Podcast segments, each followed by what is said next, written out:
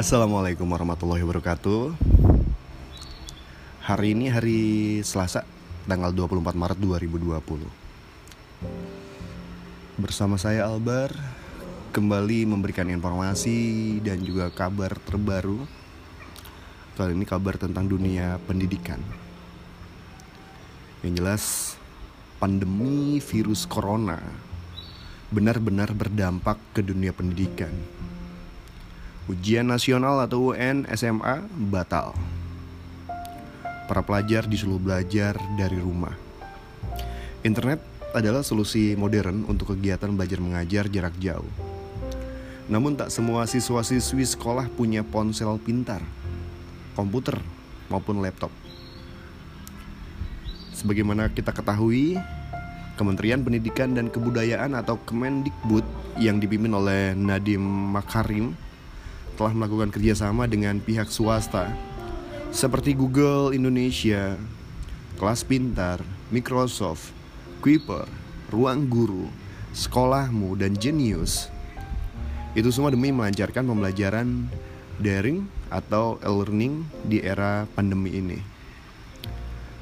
Sementara pemerhati pendidikan dari Persatuan Keluarga Besar Taman Siswa atau PKBTS Kir Ki Dharma Ningtyas menyampaikan tidak semua anak-anak Indonesia usia sekolah punya handphone, komputer maupun laptop. Sebagian lagi punya ponsel pintar. Namun kesusahan membeli paket data internet, anak-anak yang kurang mampu itu bakal tercecer bila sistem pembelajaran jarak jauh hanya dilakukan lewat internet. Jadi kalau pakai aplikasi maka syaratnya siswa-siswi harus punya handphone maupun laptop. Padahal tidak semuanya punya ya. Siswa tak mampu jelas susah mengenggam handphone. Terbatasan biaya menjadi ganjalannya. Siswa-siswi offline ini tak hanya hidup di pelosok saja, bahkan banyak anak-anak di perkotaan juga kesulitan mengakses internet. Pendekatan Kemendikbud kepada anak-anak kurang mampu ini perlu disesuaikan. Jadi penulis buku pendidikan yang memiskinkan ini menyarankan agar televisi digunakan sebagai sarana pembelajaran jarak jauh. Soalnya mayoritas warga Indonesia mempunyai TV. Kedua, radio juga bisa digunakan lembaga penyiaran publik milik negara ini bisa difungsikan. Pemerintah kan punya TVRI dan juga punya RRI. Nah, dalam kondisi darurat corona ini, TVRI bisa dioptimalkan untuk pembelajaran jarak jauh.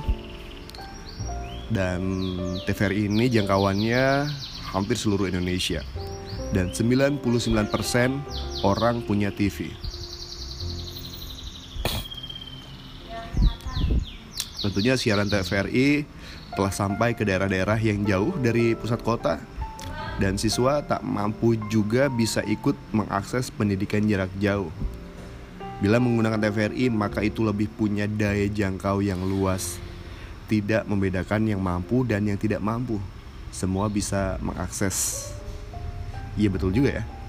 Jadi melalui TV, belajar melalui TV, mungkin untuk SD jam sekian, SMP jam sekian, buat SMA jam sekian. Jadi itu bisa digunakan untuk belajar. Kalau melalui handphone, nggak semua pelajar ini mempunyai handphone dan nggak semua orang tua juga memegang handphone karena keterbatasan materi.